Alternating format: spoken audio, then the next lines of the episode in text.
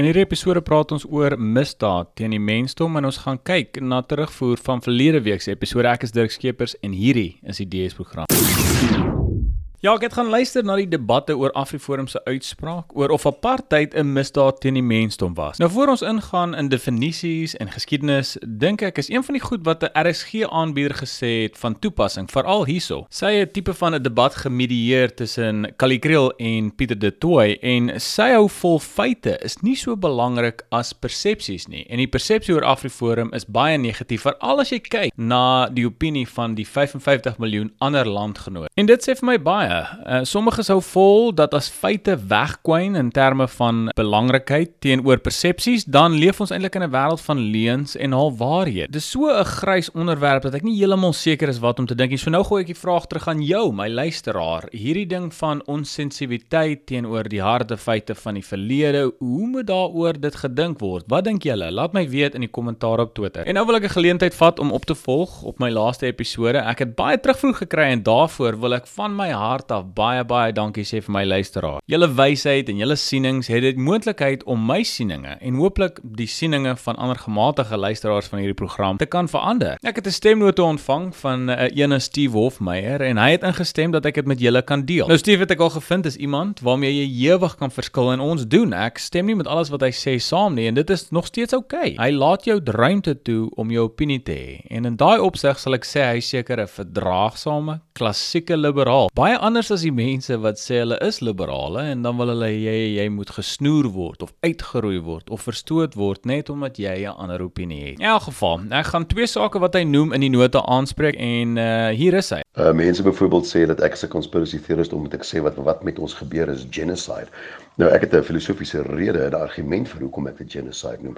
Maar my grootste probleem met genocide is dieselfde as wat jy het met conspiracy theorist. En dit is dat die genocide definisie van vandag is 'n genocide eers as dit klaar gebeur het. So wat die donder help dit ons? Ons het 'n definisie vir iets wat jy nie kan help nie. Dis verby, dis te laat. Die mense is dood en hulle bloei. Jy kan byvoorbeeld sê dat die mense van die die, die conspiracy theories van die lag van die lang messe, dis nou as Nelson Mandela doodgaan, is onwaar. Maar ehm um, as jy die mortality rate, dit wil sê die sterfte syfer van Suid-Afrikaners moet sien uh, uh, na Nelson Mandela se dood, hoe ouens na vore gekom het soos Julius Malema en en Cyril Ramaphosa met die idee ehm um, dat grondgryp heeltemal oukei is en dat ons nie 'n probleem het in Suid-Afrika terwyl ons die hoogste moorde verkragsyfer in die wêreld het nie. Kan jy maar verseker sê dat dat die nag van die lang mense het met ons gebeur. Dis miskien net 'n lae frekwensie oorlog eerder as 'n oornag ding. Um, Elmine Bouwerbos is jou tipiese links is wat verander vertel wat hulle moet doen sodat Suid-Afrika beter sal wees. Nie een van hulle sal hulle grond eerste opgee nie. Nie een van hulle skuif hulle karsvleels oor die tafel na die eerste swart ou wat verbyloop nie, want hulle sal nie, want hulle is tipiese links is wat verander vertel wat hulle moet doen om die land beter te maak. So hulle is mouth, maar hulle doen nie eintlik veel nie. Elmine se fout natuurlik is ja, as jy wiskundig die uh, boere doodmaak teen die getal geval wat sy sê sal dit seker 'n paar jaar vat om hulle uit te wis, maar dis natuurlik nie wat gebeur nie. In realiteit sal daai bure sal daardie boere exponentially verminder omdat um, hulle kinders kom nie terug nie. Hulle kinders kom nie terug om te boer nie. Die kinders wat nie terugkom om te boer nie, emigreer. So eksponensieel verminder daai boere. So ek sal vir jou sê sy is verkeerd met omtrent 300 jaar.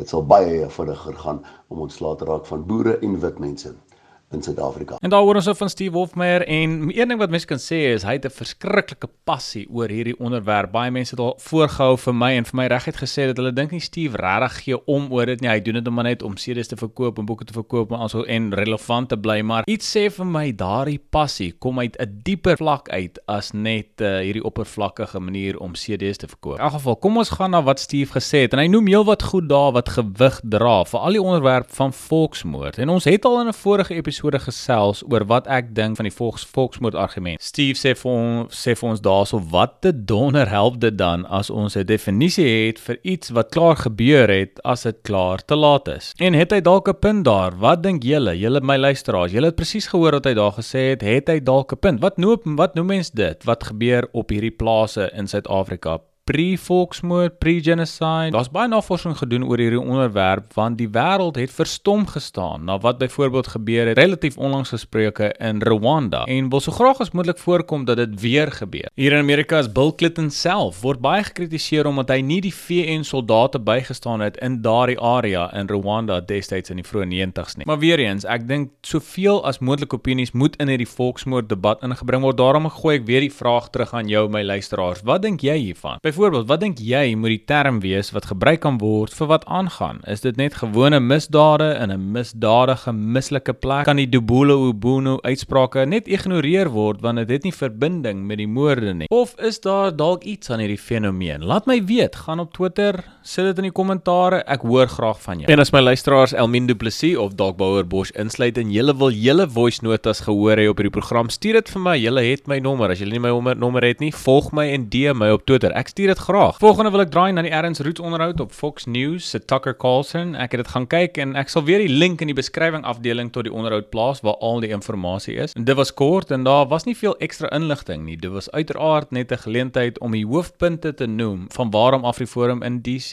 is. Maar hier wil ek hierdie uitspraak gebruik om die redelike onlangse idee van sogenaamde slagoffermentaliteit, die sogenaamde Olimpiese spele van verdrukking, oftewel in Engels hulle die oppression, oppression Olympics. En die basiese idee agter dit is dat een groep dink altyd sy swaar kry is die belangrikste en dis maklik om so te dink, want natuurlik voel jy jou eie pyn dieper as 'n vreemdeling se. En is waar dat almal ly onder alomteenwoordige geweld in Suid-Afrika, dat babas verkragt word, dat daar talle moorde is in stedelike gebiede ook. Natuurlik gaan 'n persoon wat tussen die koels, byvoorbeeld van bende geweld op die Kaapse vlaktes, dis nou net 'n voorbeeld. Hy gaan nie noodwendig dink aan plaasmoorde as sy probleem nie. En dis sy goeie reg. Hy het die reg om te kies wat se veldtog hy aandag aan gaan skenk. Dit mag dalk harteloos klink en soos ons vroeër genoem het in die episode onsensitief. Maar dit beteken nie natuurlik uit die aard dat hy nie omgee vir ander mense nie. Dit is maklik om te sien hoe mense wel uitgesluit. Maar weer eens, hierdie is net my siening. Ek gee vir jou 'n bietjie van die nuus, ek gee vir jou 'n bietjie van my opinie en dan gooi ek dit terug aan jou, my luisteraar. Ek het ook hierso uh, iewers aanlyn gesien dat ek nie regtig 'n uh, opinie mag hê volgens die persoon nie want ek woon nie voltyds in Suid-Afrika en uh, hy mag dalk reg wees, wie weet. Tog gaan ek aanhou praat oor hierdie onderwerpe want ek het getroue luisteraars wat soos ek net beter wil verstaan wat gaan aan en die feite wil hê. So dis eintlik waar ek hierdie episode gaan afsluit. As jy hou van wat ek hier probeer doen met hierdie program, teken in deur die subscribe knoppie op jou skerm te druk. En soos altyd, tot 'n volgende keer, julle pragtige bliksems.